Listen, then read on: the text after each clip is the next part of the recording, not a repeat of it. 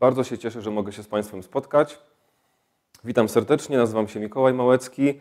Na co dzień pracuję w Katedrze Prawa Karnego Uniwersytetu Jagiellońskiego i mam przyjemność powitać Państwa na pierwszym spotkaniu z cyklu takich trzech mini spotkań, na których będziemy sobie rozmawiali o różnych e, kwestiach związanych z prawem w kontekście pandemii.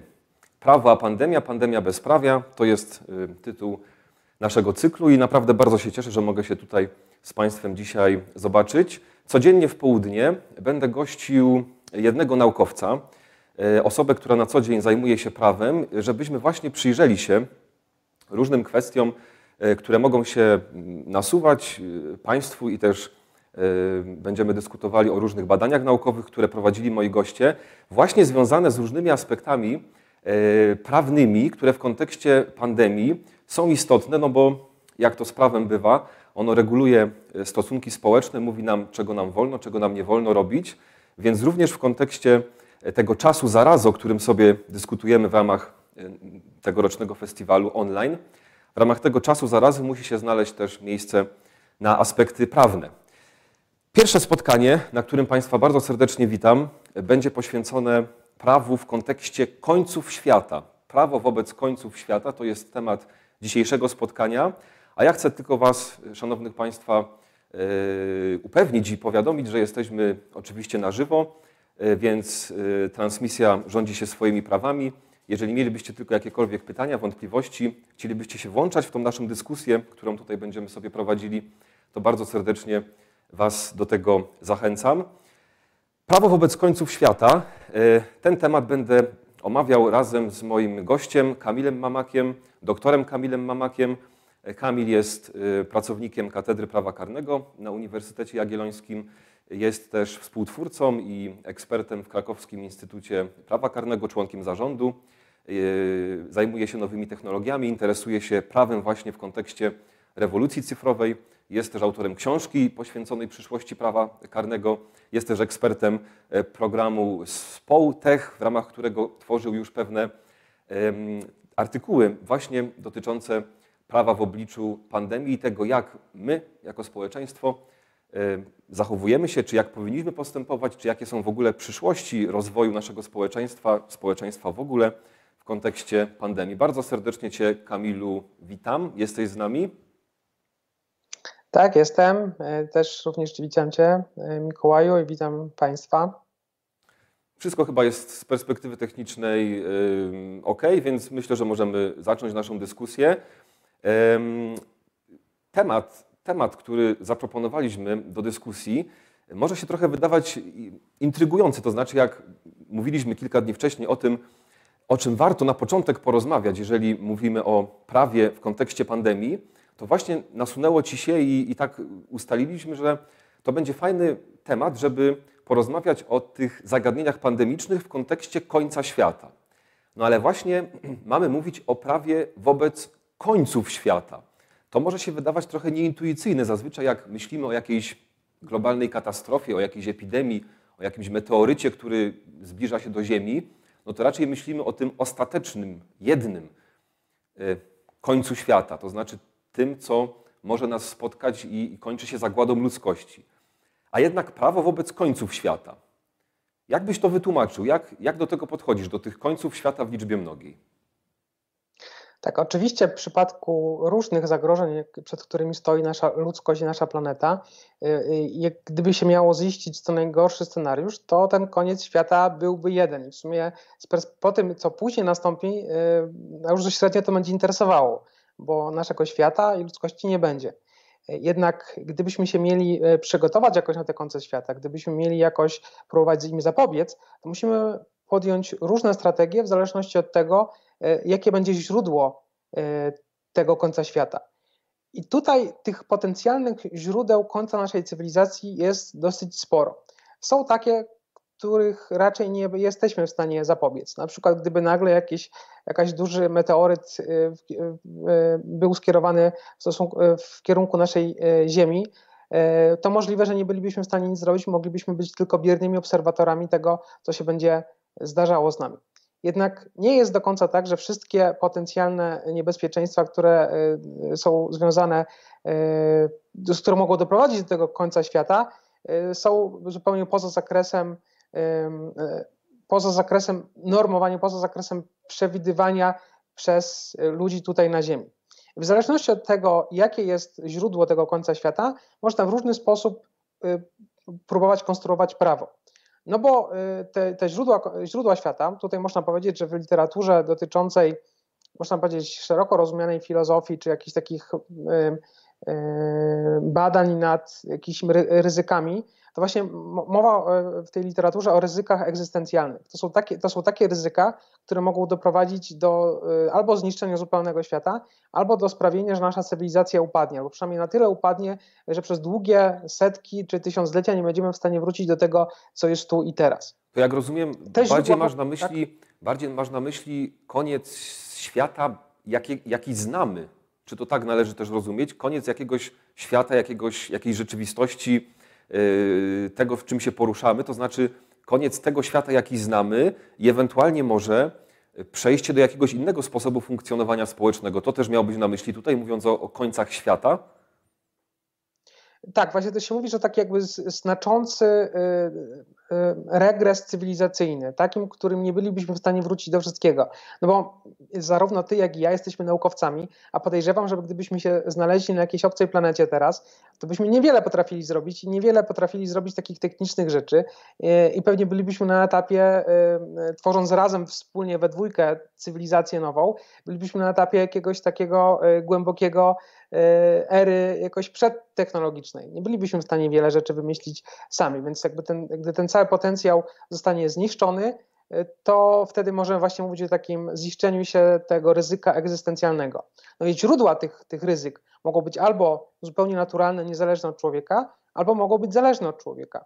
No i pewnie to, czym byśmy się interesowali z punktu widzenia prawa, są te ryzyka, które są związane e, z, z, z działalnością człowieka. No i teraz, jeżeli mielibyśmy mówić, jak sobie, czy, czy w ogóle można zapobiec tym końcom świata, no można powiedzieć, że z jednej strony y, to byłoby bardzo trudne, a z drugiej strony pewne ryzyka, które są związane z działalnością człowieka, można jakoś w znacznym stopniu ograniczyć. Tutaj jeszcze chciałbym taką, taką, taką, ta, ta, takie uzasadnienie, dlaczego moglibyśmy, dlaczego powinniśmy teraz o tym rozmawiać. No bo z tymi ryzykami związanymi z końcem świata jest trochę tak jak z pandemią, którą obecnie doświadczamy.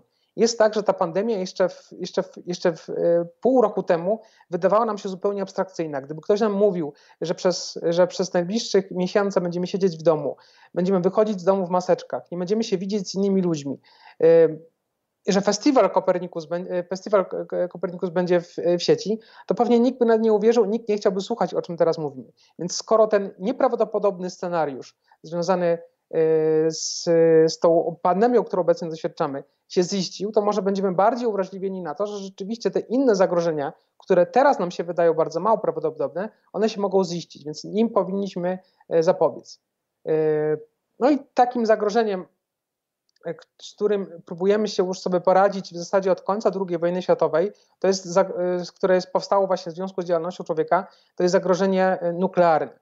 E, tutaj rzeczywiście wybuch tych e, bomb e, jądrowych pod koniec II wojny światowej sprawiło, że ludzkość zobaczyła, jaka moc drzemie w tego typu aktywnościach i próbowano robić bardzo dużo, żeby zapobiec dalszemu rozprzestrzenianiu się tych, tej, tej broni. Próbowano podjąć też prawne ramy do tego, żeby zapobiec tego typu E, aktywnością. Więc tutaj mamy do czynienia z jakimiś takimi traktami między, traktatami międzynarodowymi. Organizacja Narodów Zjednoczonych próbuje jakoś ograniczać ten potencjał jądrowy, jakieś traktaty wzajemne między te, ówczesnym ZSSR a Stanami Zjednoczonymi, żeby redukować te głowice nuklearne. To wszystko są mechanizmy prawne do gadania się na poziomie jakimiś takich norm do tego, żeby ograniczyć e, to, te zagrożenie.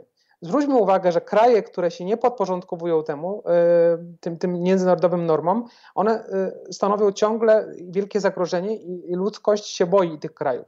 Mowa tutaj o na przykład o Iranie, który próbuje budować swój potencjał jądrowy, czy o Korei Północnej, co do której nie wiemy, jakie ma plany. Więc jeżeli są takie właśnie, są tacy uczestnicy tego obrotu międzynarodowego, którzy nie podporządkowują się temu prawu, no to one stanowią zagrożenie i rzeczywiście mogą szafować e, innych uczestników tego obrotu e, prawnego, innych uczestników e, życia społecznego na Ziemi, no i sprawiać, że, będziemy, że żyjemy w ciągłym niebezpieczeństwie.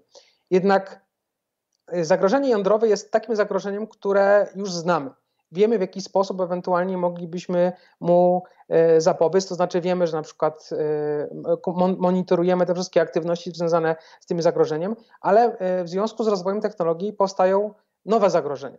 Takim zagrożeniem, które jest czysto związane z technologią i z, z, z najnowszymi osiągnięciami, jest zagrożenie ze strony sztucznej inteligencji.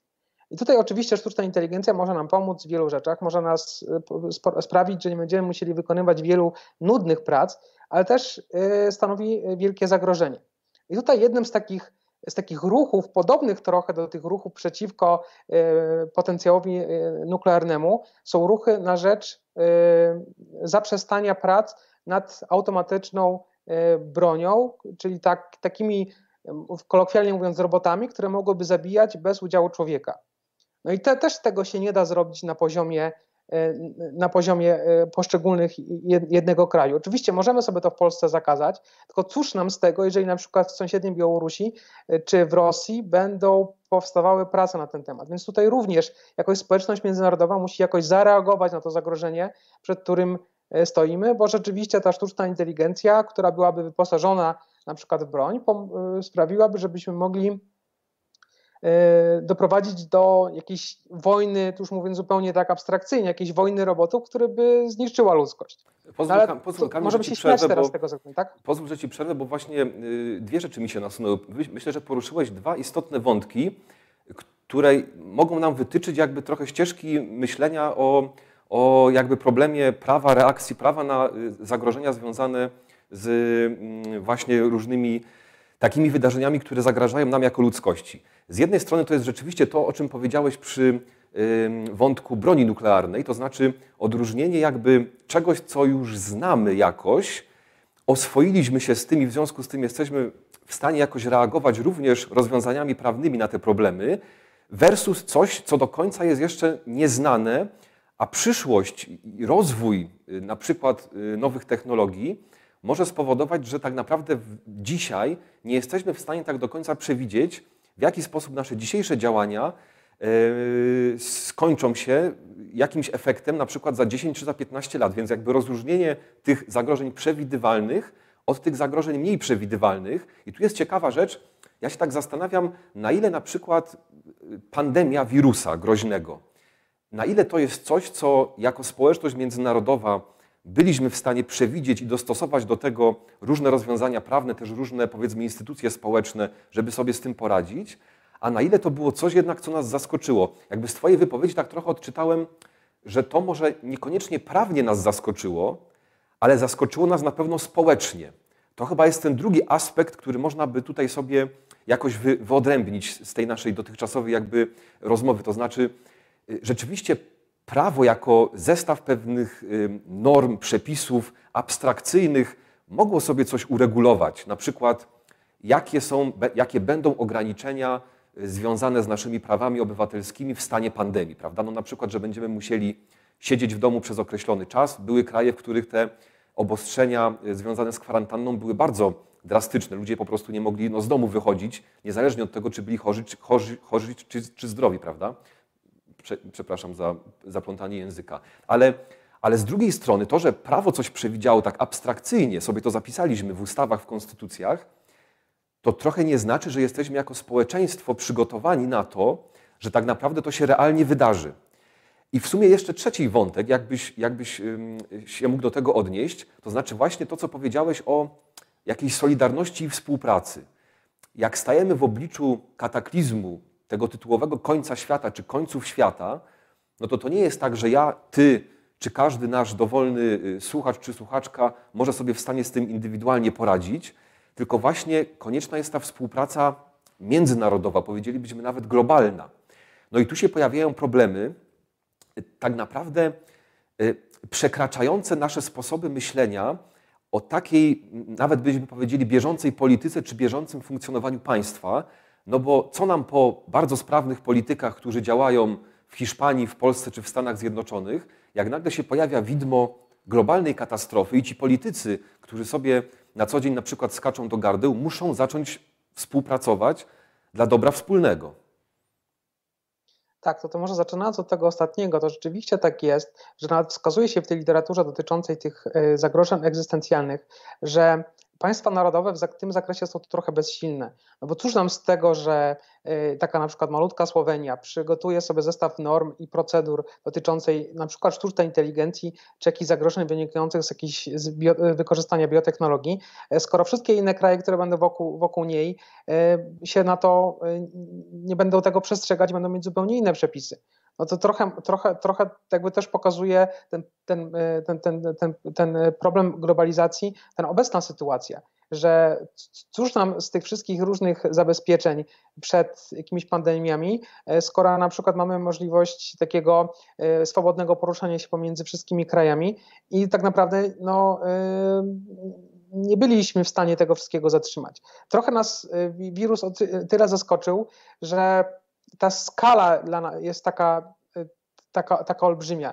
Oczywiście to nie, nie, nie jest tak, że to jest pierwsza pandemia, którą doświadcza ludzkość, ale można powiedzieć, że to jest taka pierwsza, pierwsza pandemia z takimi skutkami społecznymi w, w, no, w kilku ostatnich pokoleniach zasadzie od, od, od II wojny światowej, którą jesteśmy w stanie, e, którą, którą, której teraz doświadczamy. I tutaj też nawiązując do tego, do tych państw narodowych, e, to, to Nick Bostrom, filozof z Uniwersytetu Oksfordzkiego, właśnie napisał, że jednym ze sposobów zapobiegania tym ryzykom egzystencjalnym jest stworzenie silnego rządu światowego, że, chroniąc, że próbując chronić się przed tego typu zagrożeniami, jedną z opcji jest stworzenie właśnie jednego rządu światowego, który będzie mógł zarządzać tymi kryzysami na poziomie światowym, bo jak wspomnieliśmy, też to, do czego ty nawiązywałeś, państwa narodowe w tym zakresie yy, jakby są bezsilne. Tutaj musimy, muszą albo wszyscy, albo nikt.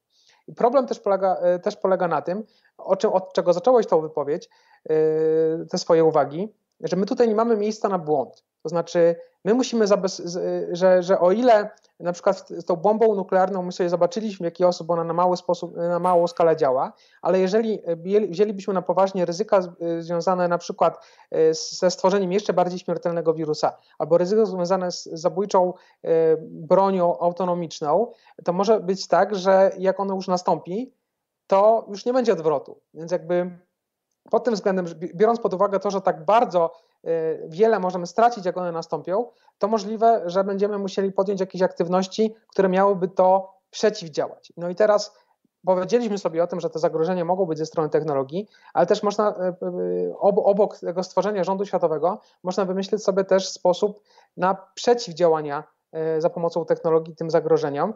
I to się wydaje trochę przerażające. Bo ten sam właśnie Nick Bostrom y, y, mówił o tym, że jednym ze sposobów y, przeciwdziałania tym zagrożeniom jest stworzenie mechanizmów takiej prewencyjnego preventing policy, on to na, na, nazywał, czyli takiego, takiego próby kontrolowania wszystkiego na całym świecie, właśnie pod kątem wyszukiwania potencjalnych zagrożeń i im przeciwdziałaniu.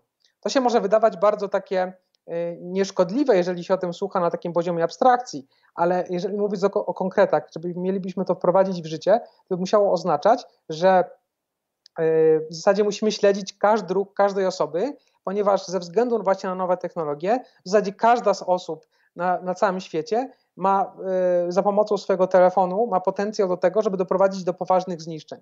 No i teraz można sobie zadać pytanie, czy jedyną sposobem przeciwdziałania tym końcom świata jest powszechna inwigilacja.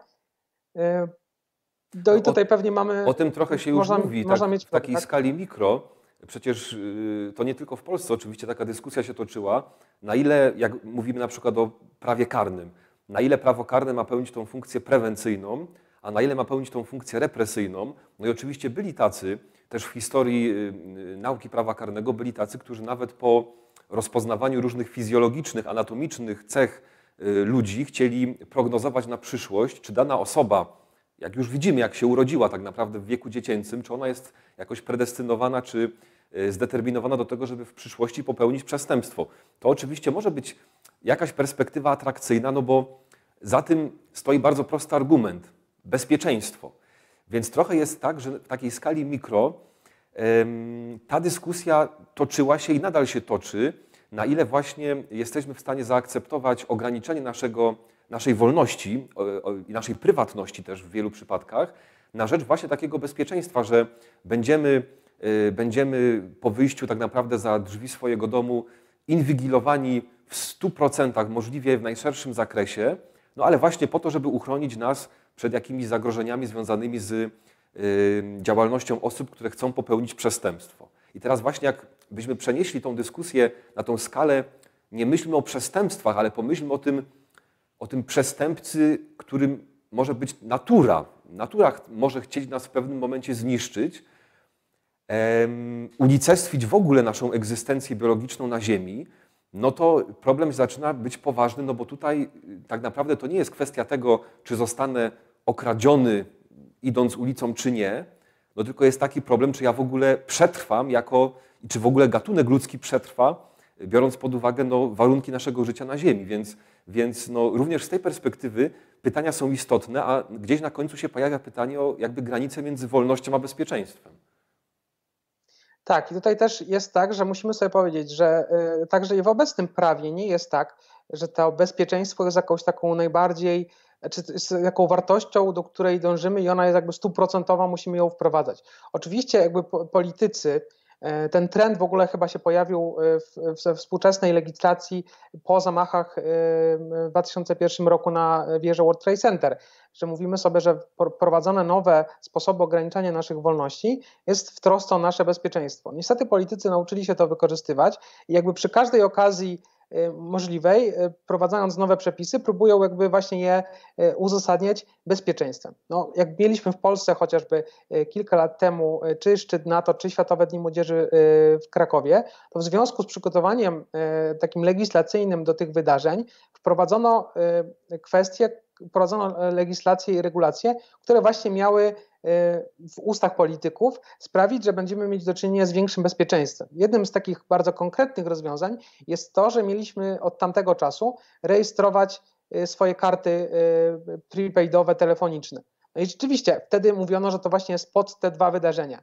Ale co się stało? No to ograniczenie, y, czyli ta konieczność rejestrowania tych kart zostały na zawsze. Przyczyna, przyczyna tak, zniknęła, właśnie... a prawo zostało. Tak, prawo zostało. Więc może być tak, że właśnie kolejnymi kroczkami coraz więcej tej wolności nam się odbiera. Tylko musimy w pewnym momencie sobie powiedzieć, że y, jakby bezpieczeństwo nie jest to, o czym też wspomniałem. Bezpieczeństwo nie jest tą wartością nadrzędną, bo gdyby była taką ostateczną wartością, do której sprowadzamy wszystkie nasze y, legislacje, to byśmy powiedzieli, y, że na przykład na drogach powinniśmy jechać z prędkością 10 km na godzinę, z tego względu, żeby nikogo nie móc zabić. No jednak pozwalamy na to, że te nasze dobra prawne, jak my to nazywamy prawa karnego, czyli jakieś takie wartości, które są dla nas istotne, życie, zdrowie człowieka, są w jakiś sposób zagrożone ze względu na inne wartości. Uznajemy, że na przykład możliwość na, chociażby szybkiego poruszania się e, po kraju jest też taką wartością, w, w obliczu której możemy się zgodzić na to, że pewne niebezpieczeństwa zostaną czy pewne e, no, no, życie, zdrowia części osób zostanie utracone. Wiem, że to brzmi strasznie, jak się o tym mówi, ale w rzeczywistości tak jest, bo gdybyśmy powiedzieli, że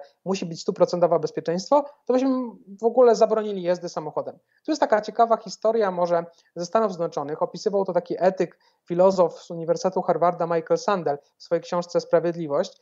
E, on tam właśnie pisał o tym, że w latach, nie pamiętam dokładnie, czy to były lata 50., 60. czy 70. w Stanach Zjednoczonych był problem z ropą naftową, nie było jej.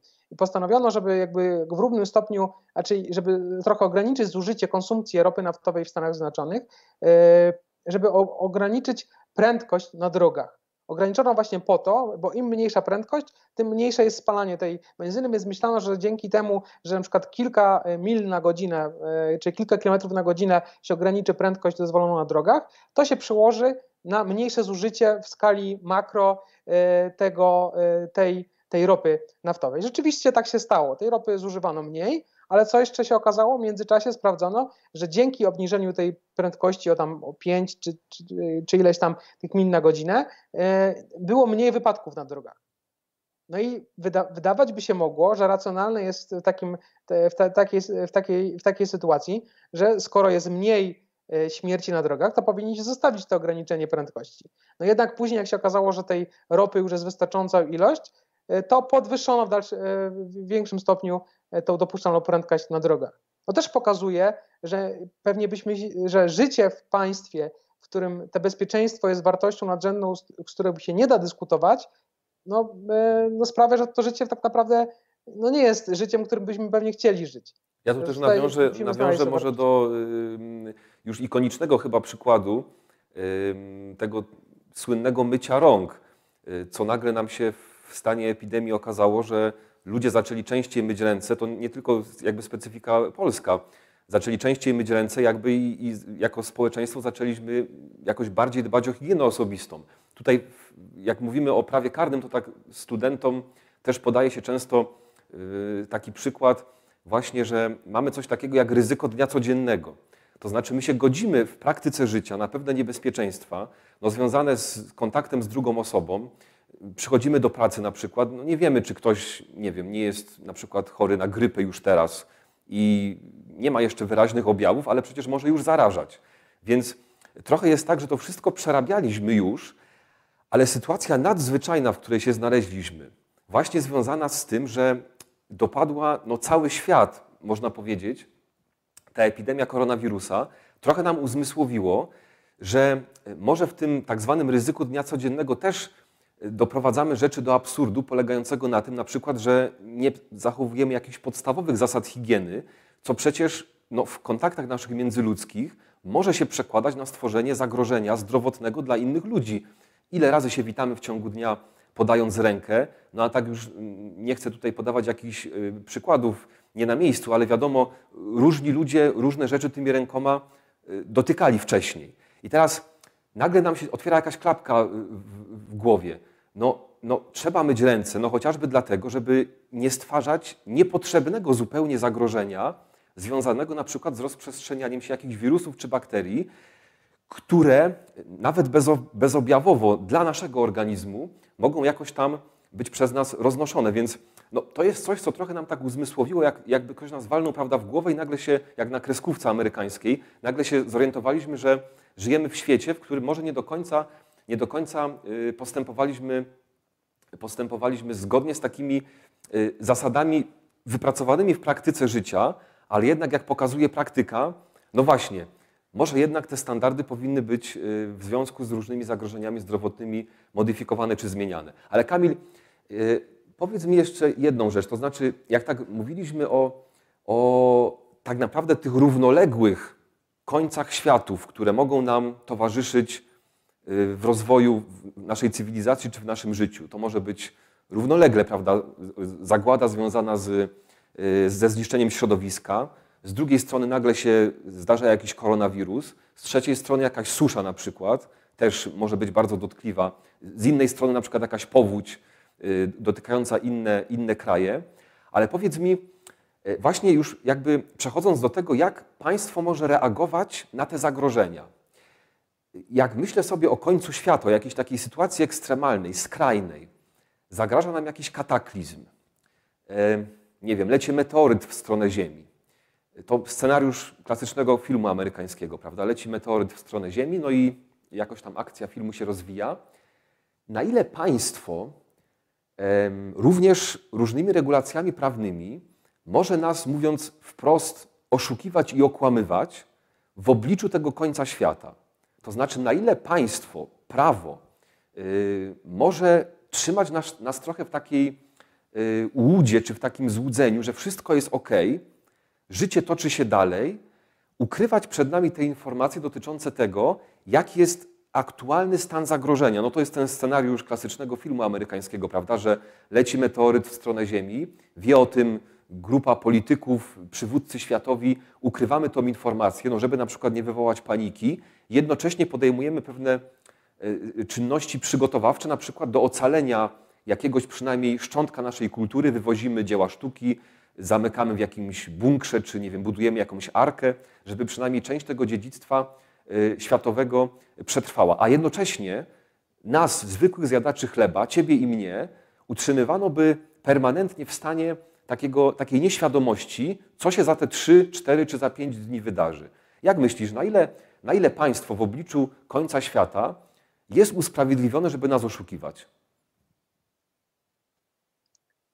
No to jest ciężkie pytanie, bo też trochę jest tak, że w etyce mamy tutaj do tego dwa podejścia. No tutaj takie klasyczne, e, klasyczny, e, skrajny e, sposób podejścia do kłamstwa to jest prezentowane przez, przez Immanuela Kanta, który, który mówił, że w, zasadzie w żadnych okolicznościach nie można kłamać. Więc z jego punktu widzenia byśmy powiedzieli, że każdy ma prawo do tego, żeby wiedzieć o tym o co się dzieje. Z drugiej strony mam jakieś takie, to co zaprezentowałeś, w sensie taką argumentację, która by się wiązała E, z, z tym, żeby nie siać paniki, to jest takie bardziej podejście konsekwencjonalistyczne, to znaczy e, wkłamiemy tutaj w czymś mniejszym po to, żeby zabezpieczyć przed czymś większym. Bo możliwe, że właśnie w tym czasie, w którym, e, którym byśmy powiedzieli o tym, że ten świat się już kończy, no to, że na przykład doszłoby do wielkich niepokojów społecznych, mielibyśmy do czynienia na przykład nie wiem, z jakimiś zbiorowymi gwałtami, mordami, E, z jakąś super sytuacją, która by doprowadziła do też wielu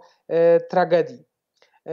E, ja też mam zawsze taki problem z tą konsekwencjonalistyczną argumentacją ze strony władzy, no bo skąd niby też ma władza? To już abstrahując, już może może w Twoim przypadku tego meteorytu, który do nas zbliża, nie da się nic zrobić, to, to, to, to, to, to mnie irytuje u władzy coś takiego, że oni sami wiedzą, co jest dla nas lepsze i próbują bez względu na, nie patrząc na środki, do ten cel osiągnąć. To znaczy pewne pryncypia są łamane na tym początku pierwotnym, po to tylko, żeby osiągnąć cel, który oni uważają za słuszny.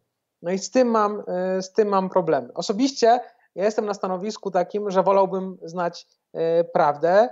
Y, podejrzewam, że ja bym nie zaczął robić jakichś rzeczy, które doprowadziłyby do jakichś innych niekorzystnych konsekwencji, ale nie mam pewności, jak zachowałoby się społeczeństwo w swojej, w swojej masie.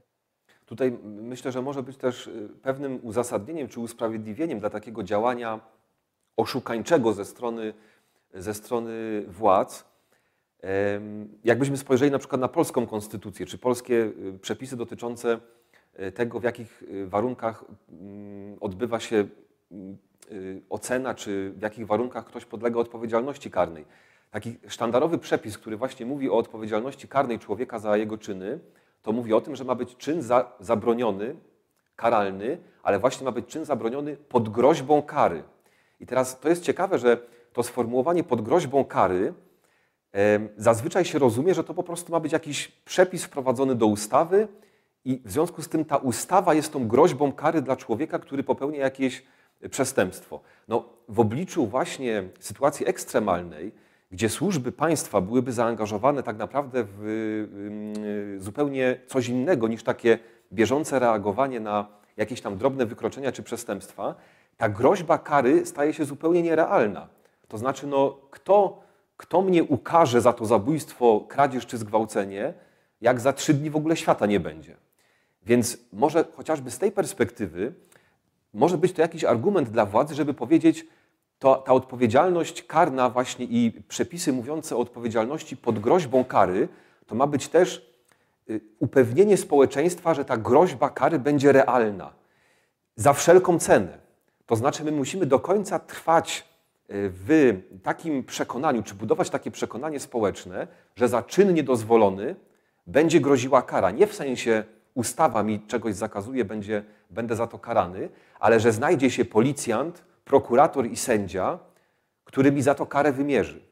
Więc no, dopóki mleko się nie rozleje i nagle się meteoryt nie pojawi na niebie, albo nie zacznie temperatura rosnąć tak, że po prostu wszyscy to odczujemy, że coś jest nie tak, coś się dzieje niedobrego z naszym światem, może w tej perspektywie władze właśnie byłyby usprawiedliwione, żeby zagwarantować nam to bezpieczeństwo związane z tym, że jednak osoby, które by miały pokusę do popełnienia jakiegoś czynu właśnie niedozwolonego, no w związku z tym, że utraciłyby te hamulce, no bo nie będzie żadnej groźby kary, nikt mnie nie ukaże, bo zaraz świat się skończy, może właśnie one utrzymywane, czy my wszyscy utrzymywani w takim zbiorowym oszustwie, jednak dotrwalibyśmy do tego końca w jakiś taki sposób społecznie, byśmy powiedzieli, yy, godny, tak? czy humanitarny, to znaczy nagle by się nie okazało, że, że zupełnie są poluzowane te standardy funkcjonowania naszego społecznego, te hamulce są poluzowane.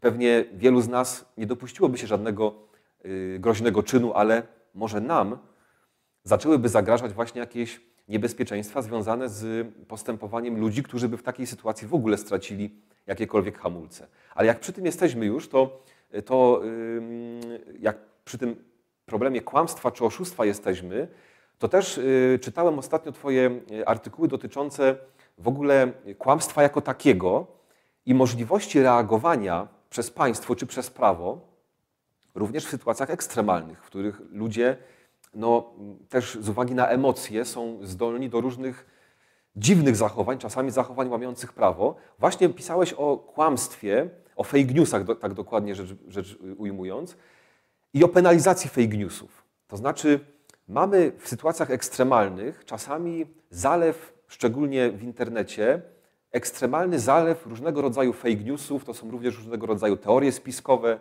związane z tym, właśnie do czego epidemia doprowadzi, jakie są przyczyny epidemii, jakie kto podjął działania związane z epidemią. Różnego rodzaju takie fałszywe informacje w internecie szczególnie się pojawiają i ty swego, swego czasu zaproponowałeś, żeby y, rozważyć przynajmniej taką możliwość, żeby w pewnych sytuacjach dopuszczalne było karanie ludzi, również y, karą więzienia być może, za rozprzestrzenianie takich fake newsów. Jakbyś mógł tak pokrótce wyjaśnić, co, co, rozumiesz przez pojęcie fake newsa, z czego się wzięła ta Twoja koncepcja, jakby co było inspiracją tutaj, żeby mówić, no czasami mówienie nieprawdy czy oszukiwanie, rozprzestrzenianie fake newsów powinno być zabronione pod groźbą kary i jak to by się jakby przekładało na, na ewentualnie na naszą, naszą sytuację ekstremalną związaną z końcami świata.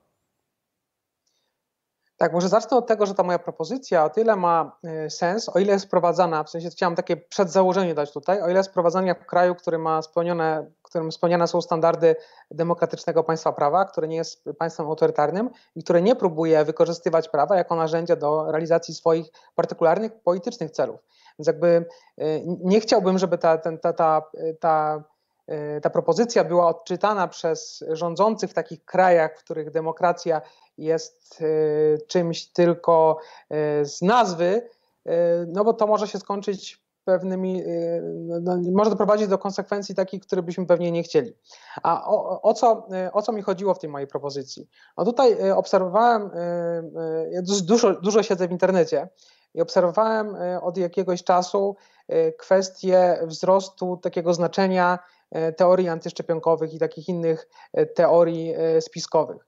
No i o ile niektóre teorie, niektóre fake newsy są zupełnie nieszkodliwe, na przykład jak pojawiała się swego czasu właśnie w związku z pandemią informacja o tym, że Rosja wykorzystuje lwy do pilnowania tego, że ludzie zostają w domach, czy na przykład, że, Simpson, że w serialu Simpsonowie przewidziano koronawirusa, no jakby tego rodzaju fake newsy jakby nie mają jakiegoś sobie społecznego niebezpieczeństwa, to już, y, to już fake newsy dotyczące zdrowia według mnie są, są niebezpieczne. I tutaj, jak, jak skupiłem się głównie na kwestiach antyszczepionkowych i na kwestiach tych konsekwencji, e, o których piszą właśnie antyszczepionkowcy, jakie wiążą się ze szczepionkami. No i tutaj to jest e, ten cały ruch, można powiedzieć, że jest oparty na jednym wielkim fake newsie, e, który był opublikowany swego czasu w artykule w takim czasopiśmie Lancet, to jest bardzo prestiżowe medyczne czasopismo. Później z tego czasopisma ten tekst został wycofany, w którym jakby powiązano szczepionki z autyzmem. E, pewien rodzaj szczepionek, to jak mówię tutaj w ogólności. No i było tak, że te informacje pojawiały się później wraz z wzrostem właśnie e, znaczenia internetu w komunikacji społecznej. Te tego typu teorie nabierały znaczenia. To znaczy, ludzie sobie zaczęli je udostępniać, zaczęli sobie prze, prze, przekazywać dalej. No i to się nam może wydawać zupełnie nieszkodliwe, że jakaś tam matka niewyedukowana, która siedzi w internecie, robi sobie research dotyczący tego, czy szczepić swoje dziecko, czy nie, nagle udostępni, y, udostępni z jakiejś takiej niepewnej strony informacje o tym, że E, szczepionki zabijają i tam po prostu to jest narzędzie do depopulacji e, ludzkości, które są wprowadzone przez Big Pharma i, różne złe, złe e, światowe organizacje. Jednak to, co się może wydawać nieszkodliwe z punktu widzenia jednostki, one w swojej całej masie doprowadzają do tego, że właśnie na całym świecie mamy trend dotyczący tego, że ludzie odmawiają szczepienia swoich dzieci, co może doprowadzić do realnych niebezpieczeństw. To znaczy nie tylko dzieci antyszczepionkowców są zagrożone, i oczywiście też rodzice pytanie, czy mają prawo do tego, żeby robić krzywdę swoim dzieciom, ale także przez, przez e, spadający poziom wyszczepialności całego społeczeństwa możemy w pewnym momencie mieć problem z tym, że właśnie kolejne epidemie związane z tymi chorobami, które już dawno powinny być e, wyrzucone z naszego świata, właśnie dzięki szczepionkom, nagle znowu zaczną być problematyczne e, w naszym świecie. No i sobie tak jakby to, to, to, to uległo u podstaw tej mojej analizy. Jeszcze WHO, czyli Światowa Organizacja Zdrowia, mówiła właśnie, że e, e, te wątpliwości co do szczepionek wśród ludzi jest jednym z największych e, niebezpieczeństw, jakim, przed jakimi stoi zdrowie publiczne. I sobie tak pomyślałem, że jak już jesteśmy w tym internecie, jak w tym internecie komunikujemy się, jak to jest normalny nasz sposób kontaktów z innymi ludźmi, to, to nie jest zupełnie obojętne, co my sobie tam udostępniamy. I to też nie jest tak, że ludzie nie, nie muszą brać odpowiedzialności za to, co robią. Może ten poszczególne udostępnienie, poszczególny like dawać nam może się nieszkodliwy, ale w tej całej swojej masie to można właśnie porównać do pewnej epidemii. Mamy sobie rzekę i każda kropla to jest ten każdy like dotyczący tych, e, tych, e, tych informacji i w pewnym momencie ten poziom może być na tyle duży, że nastąpi powódź. Więc żeby zatrzymać ten, tą powódź metaforyczną związaną z brakiem szczepienia dzieci, powinniśmy w pierwszym względzie zabezpieczyć, zapobiegać udostępnianiu tych poszczególnych informacji. Tutaj w ostatnich dniach jesteśmy świadkami takiej wielkiej siły internetu. Może to się wydawać śmieszne, ale jest, takie, jest, taki, jest taka aplikacja TikTok i TikTok stał się ofiarą, w cudzysłowie oczywiście, ofiarą to chyba głównie ludzi z Indii, obywateli Indii, którzy nagle zaczęli robić taką akcję masowego obniżania ratingu tej aplikacji w sklepach E, internetowych i nagle właśnie e, był nagły spadek tego wszystkiego. Więc można powiedzieć, że naciśnięcie na jedną gwiazdkę e, w aplikacji oceniającej aplikację może nie mieć większego znaczenia na, na, na to, jak ta aplikacja będzie miała ogólną ocenę, ale już ogólnonarodowy, ogólnonarodowy akurat w Indiach ruch dotyczący tego, żeby każdy, kto taką aplikację E, zobaczy, żeby ją ocenił na najniższą możliwą ocenę, no prowadził do tego, że właśnie z, że, że ta aplikacja e, obniżyła swoje ratingi e, bardzo dużo. Podobnie może być właśnie z tymi antyszczepionkowymi teoriami, że te, ta, ta cała masa tych ludzi, którzy udostępnia te bzdury, może doprowadzić do tego, że w pewnym momencie będziemy mieć do czynienia z, ze, no, ze zgonami osób, które będą umierały na temat tego choroby, które były, byłyby zapobieżone, gdybyśmy stosowali e. To można powiedzieć tak trochę ta dyskusja, która się przetoczyła też w nauce prawa karnego, właśnie też z Twoim udziałem o, o penalizacji ewentualnie fake newsów medycznych, właśnie związanych z, ze szczepionkami, to się działo przecież jeszcze przed epidemią koronawirusa, więc trochę tak naprawdę można powiedzieć, przewidzieliście przyszłość, no bo ym, to nawet też była dyskusja publiczna cała y, w momencie, jak się rozprzestrzeniał koronawirus po świecie. Obserwowaliśmy skutki właśnie tego, w jaki sposób y, no, całe masy ludzi mogą być zakażone y, nowym wirusem i, i trochę było tak, że na własnych oczach mogliśmy empirycznie obserwować to, do czego prowadzi ta, jakaś taka radykalna koncepcja, żeby unikać szczepionek i, i nie zabezpieczać się w ten sposób również przed ewentualnymi zagrożeniami zdrowotnymi, właśnie związanymi na przykład z, yy, no wcześniej chodziło prawda, głównie o grypę, innego rodzaju takie choroby, które towarzyszyły nam cywilizacyjnie od dłuższego czasu. Również pewne choroby, które udało się cywilizacyjnie zwalczyć, a jednak na skutek ruchów antyszczepionkowych one, yy, te choroby zaczynały na nowo się pojawiać. Yy, a tak, może nie wchodźmy w kwestie takie prawnicze, typowo prawnicze, ale jakby ten przepis mógł brzmieć? To znaczy, wiadomo, że jak kłamiemy komuś tak w cztery oczy, to tro trochę jest tak, że bardziej się czujemy pokrzywdzeni. Ja tak przynajmniej sądzę, że jak ktoś mnie okłamuje w cztery oczy i wiem, że kłamie, to trochę jest tak, że się czuję bardziej pokrzywdzony, jak on to mi mówi w cztery oczy, niż na przykład jak przeczytam jakąś fałszywą informację yy, w internecie. A tutaj trochę jest odwrotnie, to znaczy chciałbyś yy, penalizować zachowania właśnie związane z rozprzestrzenianiem się tych informacji w internecie. Dlaczego, dlaczego uznałeś, że właśnie ta działalność, aktywność e, internetowa, czy taka właśnie na masową skalę, tutaj by usprawiedliwiała właśnie ingerencję prawa karnego w tą aktywność naszą? Były prowadzone badania, które pokazywały, że osoby, które na przykład mają podjąć decyzję o szczepieniu dzieci, jeżeli da się im poczytać internet przez jakieś kilka minut na temat bezpieczeństwa e, szczepionek, to one po kilku tylko minutach szukania informacji znajdują informacje właśnie takie niesprawdzone medyczne fake newsy, które doprowadzają do tego, że te osoby mają, zaczynają wątpić w to, czy powinni zaszczepić dzieci. Były też prowadzone badania pokazujące to, że nawet dziennikarze, którzy próbujący opisać w sposób e, obiektywny e, spór, e, doprowadzają w konsekwencji do wielkich szkód, z tego względu, że nawet dając przestrzeń w gazetach do tego, żeby na przykład zaprezentować perspektywę lekarzy i perspektywę antyszczepionkowców, sprawiało, że mimo, że, że, że tego typu przedstawienie sytuacji sprawiało, że te nobilitowane były te treści antyszczepionkowe.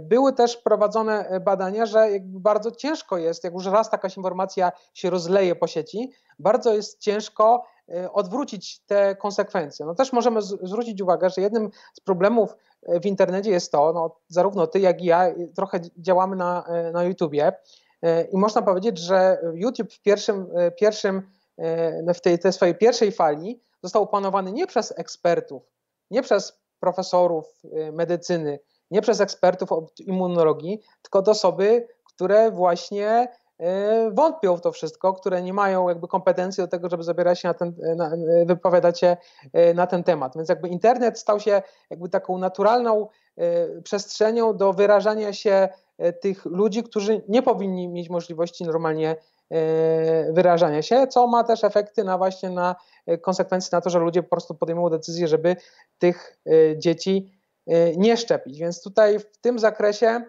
y, no uważam, że, że, że, że ten, każda pojedyncza aktywność y, jest zła, ponieważ nawet jeżeli my nie wierzymy, że szczepionki, nawet na przykład, jeżeli my się, my się uśmiechniemy z tym, a i tak zaszczepimy swoje dzieci, to przekazanie tej informacji dalej może doprowadzić, że jakieś ziarenko wątpliwości zostanie zasiane, zasiane zasiane dalej. Właśnie myślałem sobie, że e, zatrzymanie tych poszczególnych aktywności może doprowadzić do tego, że ta fala zostanie zatrzymana. Bo, bo stoimy teraz przed takim problemem, że jesteśmy na krzywej e, wzrostu e, osób, które chcą podejmować decyzję, żeby nie szczepić dzieci i możemy sobie zadać pytanie, jak prawo może zareagować, jak może odwrócić ten trend.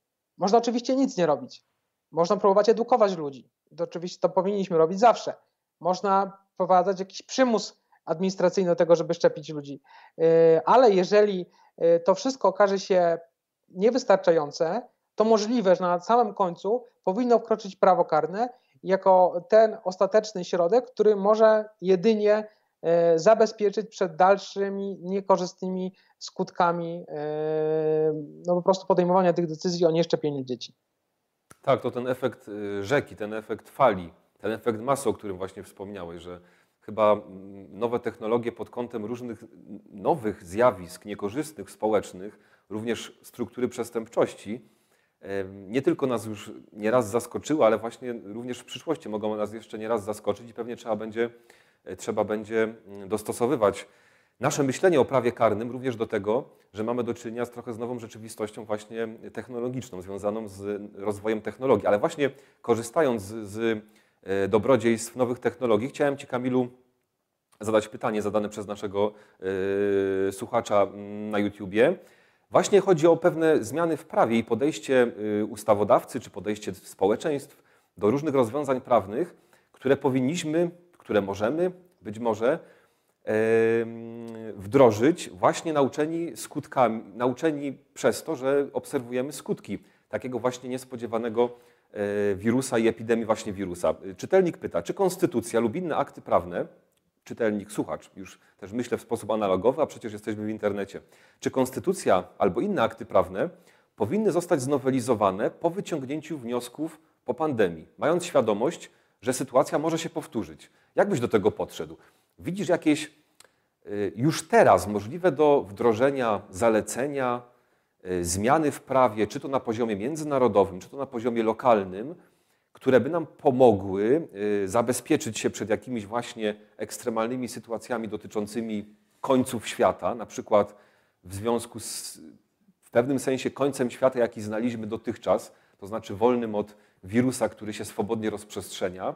Jakieś zalecenia, właśnie jakieś rekomendacje, które już teraz można by wdrażać, albo przynajmniej jakieś obszary, o których należałoby już teraz zacząć myśleć, żeby w przyszłości można było nad tym pracować i zmieniać y, stan prawny właśnie pod kątem tych niebezpieczeństw, jakie wynikają na przykład z pandemii ogólnoświatowej. To oczywiście na gorąco, bo nie mam tego jakoś super przemyślanego ze względu na to, że to jest takie pytanie, które właśnie teraz zostało zadane, to ale można sobie powiedzieć na pytanie, można sobie odpowiedzieć na to pytanie, że już teraz możemy pewnie dać pewne rekomendacje do tego, w jaki sposób państwo powinno się zachować, żeby zapobiec te, tego typu e, zdarzeniom w przyszłości. Wskazuje się, że na przykład e, Tajwan e, dobrze sobie radził z, z koronawirusem z tego względu, że mieli oni dosyć, moc, dosyć e, mocno, mocno odczuli skutki wcześniejszej pandemii, która akurat w Azji się rozprzestrzeniała. No i mieli na podstawie tamtej wcześniejszej epidemii, przepraszam bardzo, epidemii, mieli wypracowane mechanizmy e, i procedury, jak e, reagować na tego typu sytuacje. Trochę było tak w Polsce, mogliśmy to obserwować, że jakby rząd wydawał się jakby nieprzygotowany. Jak się zaczynała pandemia na świecie, to mówiono, że jest wszystko pod kontrolą, że na wszystkie możliwości jesteśmy przygotowani, a jak już zaczęła się, e, zaczęliśmy odczuwać negatywne konsekwencje e, tej całej sytuacji, to już mówiono, że nie dało się zapobieg, zapobiec tego typu sytuacjom. Ale na przykład taka, taka, taka pierwsza rzecz, która mi przychodzi do głowy, którą powinniśmy e, zabezpieczyć przed kolejnymi tego typu wydarzeniami. Jest, jest taka jednostka, e, chyba to się nazywa Agencja e, Rezerw Materiałowych, czy taka agenda rządowa, która ma za zadanie prowadzić takie magazyny, mówiąc tak prosto, w których będą odpowiednie rzeczy, to ta agencja jakby nie może przez to, że w momencie, że nie, nie powinna reagować, nie powinna jakby dać się ponieść temu, że na przykład w danych, danym czasie jest względny spokój i można na przykład się pozbyć jakichś materiałów typu na przykład maseczek czy respiratorów, tylko powinna ewentualnie się zabezpieczyć i osoby, które mają być za to odpowiedzialne, są szefami takich agencji, powinny być odpowiedzialne za to, żeby ten stan y, y, odpowiedniej ilości sprzętu ciągle był. Może powinniśmy popracować i zabezpieczyć się w ten sposób, że jakaś agencja rządowa powinna rzeczywiście monitorować e, wcześniej jakieś światowe trendy związane na przykład z rozprzestrzenianiem się chorób i ostrzegać e, w określonym czasie agencje rządowe, które po prostu też nie powinny ignorować tego typu, tego typu informacji. Powinniśmy może wprowadzać większe zabezpieczenia na, e, już na początku takiej sytuacji. Bo też jesteśmy, teraz wszyscy obserwujemy, że trochę prawo e, nie tylko w Polsce, ale na całym świecie było na to wszystko nieprzygotowane i w początkowych etapach tej naszej pandemii mieliśmy taką sytuację, że nie wiedzieliśmy, jaki to, jakim się toku to potoczy, sklepy były pozamykane, nie mogliśmy wchodzić, e, ludzie zaczęli wykupować rzeczy ze sklepów, bo bali się, że później tego wszystkiego nie będzie, ale później jakoś ta praktyka i przepisy się jakby unormowały, no i teraz jakby e, mamy taką względną normalność, to znaczy Wiemy, że tych rzeczy nam w sklepach nie zabraknie, wiemy, y, w jakich, y, w jakich warunkach można to wszystko kupić. No i mi się wydaje, że jakby y, te procedury, które teraz wypracowujemy, no powinny być jakoś dopracowane i zabezpieczone prawnie na żeby zabezpieczyć przyszłym takim wydarzeniem. Wydaje mi się, że tutaj też pojawi się być może w przyszłości istotny problem, pewnie nie będzie już czasu, żeby to rozwinąć, mianowicie swobody prowadzenia działalności gospodarczej.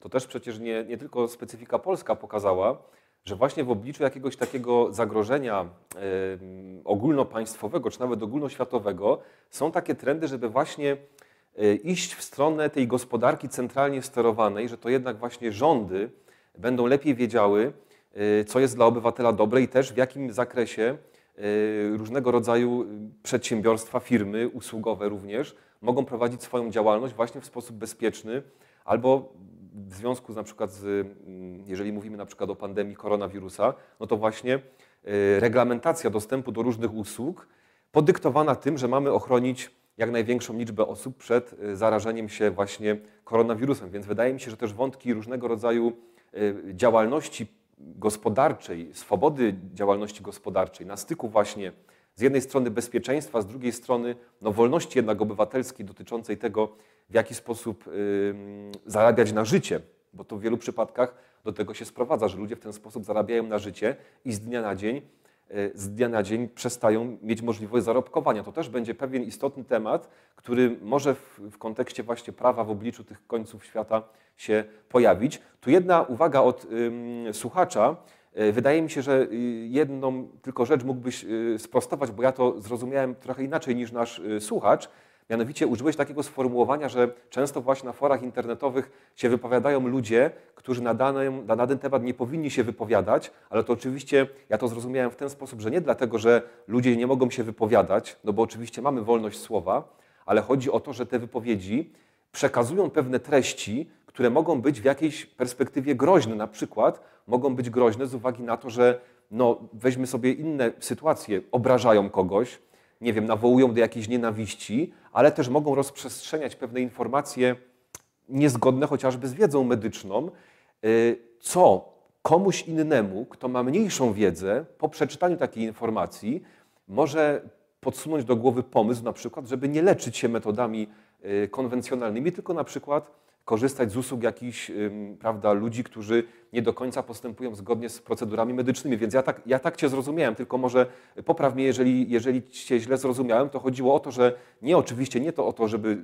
nie można było pisać na forach internetowych, wyrażać swoich poglądów, no tylko o to, żeby nie można było rozprzestrzeniać pewnych informacji w określonym kontekście, które mogą być w oczywistym stopniu fałszywe, które mogą komuś zagrozić, no nawet w takim stopniu, że czyjeś życie może być zagrożone. Tak, tak. Oczywiście nie, wprowadzanie cenzury prewencyjnej jakby jest niemożliwe i także na gruncie polskiego prawa. Nie można zabronić ludziom wypowiadania się, ale też trzeba mieć z tyłu głowy y, taką kwestię, że y, mamy, musimy być odpowiedzialni za swoje słowa. Więc jeżeli na przykład w sądzie y, skłamiemy sąd, to możemy za to iść do więzienia.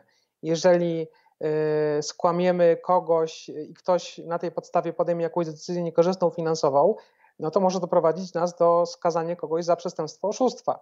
No i możliwe, że tutaj powinno być tak, że jeżeli nie mamy jakby wiedzy, a wypowiadamy się z taką pewnością co do tego, w jaki sposób funkcjonują pewne na przykład leki czy jakieś medyczne procedury i to może doprowadzić do tego, że inne osoby się na przykład do tego dostosują, na przykład zaprzestają y, y, leczenia na przykład na raka, po przeczytaniu jakiegoś tam e, informacji na jakimś blogu osoby, która na tym nie zna i wymyśliła sobie to wszystko, no to według mnie tutaj e, te osoby powinny się liczyć z tym, że tego typu e, wiadomości, z tym może się wiązać jakaś odpowiedzialność, że nie można sobie takich rzeczy pisać zupełnie w sposób nie, niesprawdzony. Że to nie jest tak, że każdy może mówić sobie co chce, no bo już teraz w prawie mamy informacje, mamy jakby przestępstwa, które penalizują yy, no, wprowadzanie innych w błąd. No, chociażby na przykład, jeżeli ktoś będzie zaprzeczał, że Holokaust miał miejsce, może sobie to napisać, nikt mu nie zabroni tego, żeby napisał sobie to w internecie, ale yy, za to grozi odpowiedzialność karna z, z, yy, z ustawy o Instytucie Pamięci Narodowej.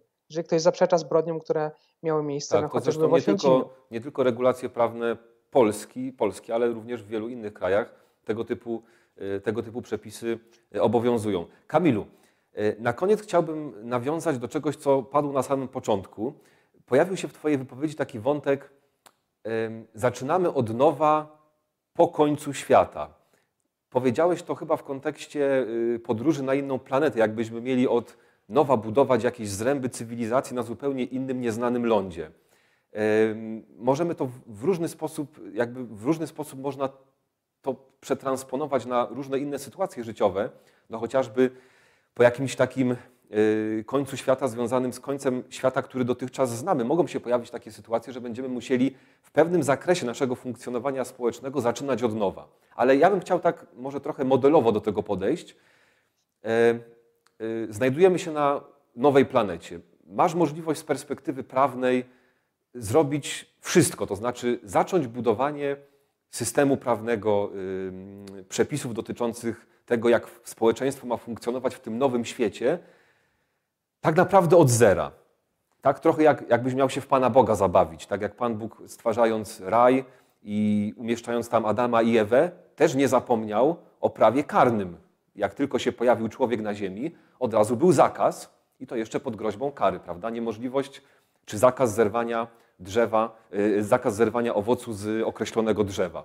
Jakbyś miał tak od zera zacząć i powiedzieć, co po tym końcu świata, ale w perspektywie prawnej, jak myślisz, co, co jakby dla Ciebie by było tak, taką rzeczą podstawową, nie wiem w ogóle, czy coś takiego jest, może, może powiesz, że w ogóle prawo jest niepotrzebne, chociaż, chociaż to chyba jest tak trochę w nas, że czujemy, że postępowanie według jakichś reguł to jest coś, co trochę rządzi tak naprawdę naszą naturą. To jest oczywiście też wielkie pytanie filozoficzne, na ile te reguły przychodzą z zewnątrz, na ile one są w nas, ale jakbyś miał tak powiedzieć, co, co po tym końcu świata prawnik powinien zrobić jako pierwsza rzecz, to co by to było? Znaczy to pewnie też, też nie mam tego jakoś specjalnie przemyślanego, to jest takie pytanie na gorąco, ale moglibyśmy się pewnie zastanowić. Jeżeli Cieszę się, ten że koniec świata, którego znamy, pytaniem. Także, że ten koniec świata, którego znamy, byłby spowodowany jakimś nieodpowiedzialnym e, zachowaniem, jakoś, e, no to pewnie bym próbował, żeby zapobiec temu e, powtórzeniu się temu, po prostu uczyć się, uczyć się na błędach. No, jakby stworzenie nowego prawa, jakby ma ten, mielibyśmy ten komfort, że moglibyśmy ewentualnie przestać powielać te błędy, które teraz są. Ja też tutaj mam taki wielki taki problem z, z, prawem jest dla mnie taki, że prawo jest ciągle jakby niedostosowane do rzeczywistości i ciągle jakby nie mamy, często sobie nie uświadamiamy w tej dyskusji o prawie, że pewne rozwiązania, które są w naszych kodeksach, one są tylko dlatego tam, że one po prostu kiedyś ktoś tak wymyślił. To nie jest tak, że e, one są ostatecznym, e, w ostatecznym kształcie i idealny sposób rozwiązują pewien problem prawny. To, że na przykład, że komunikujemy się w sądzie za pomocą listów i jakimś mamy awizo i to wszystko jest włączone w jakiś taki system komunikowania się, jakby to nie oznacza, że to jest ostateczny, najfajniejszy sposób komunikowania się między podsądnymi, sądem i stronami procesowymi. Po prostu jak tworzono nowoczesne prawo, to nie znano innych sposobów komunikacji. Więc jakby tutaj, jakbym miał możliwość tworzenia prawa e, na nowo, to pewnie bym e, bardziej zwrócił uwagę na to, żeby zwracać, brać pod uwagę to, że e, to na podstawie czego tworzymy prawo, to są pewne też założenia dotyczące świata, które się mogą zmieniać i my powinniśmy jakby na bieżąco je monitorować, bo później dorabiamy jakąś wielką filozofię, na przykład do tego żółtego awizo, które tak naprawdę y, powinny być już dawno wyrugowane z systemu y, prawnego, bo to jest po prostu jakiś relik przeszłości, y, który był wprowadzony po prostu z konieczności, bo nie było innych sposobów komunikowania się. No to ciekawa refleksja na koniec, że w zasadzie ten, te końce świata, przynajmniej w jakichś aspektach, na co dzień nam towarzyszą i musimy, jeżeli mówimy o reagowaniu prawem na różnego rodzaju zjawiska, musimy patrzeć, który świat już skończył się, wymaga zaktualizowania, a który możemy jeszcze utrzymać, jeżeli chodzi o właśnie obowiązujące regulacje prawne. Bardzo serdecznie Państwu dziękujemy za uwagę. Dziękuję Kamilowi Mamakowi z Katedry Prawa Karnego z Uniwersytetu Jagiellońskiego za to, że był naszym gościem dzisiaj. Rozmawialiśmy o prawie w obliczu końców świata. Ja nazywam się Mikołaj Małecki, też bardzo serdecznie Państwu dziękuję za to spotkanie i mam nadzieję do zobaczenia w, y, na kolejnych wydarzeniach Kopernikus Festival. Ja będę miał przyjemność spotkać się również z Państwem na kolejnym spotkaniu w ramach tego cyklu Prawo w pandemii, pandemia bezprawia. Raz jeszcze dziękuję. Widzenia.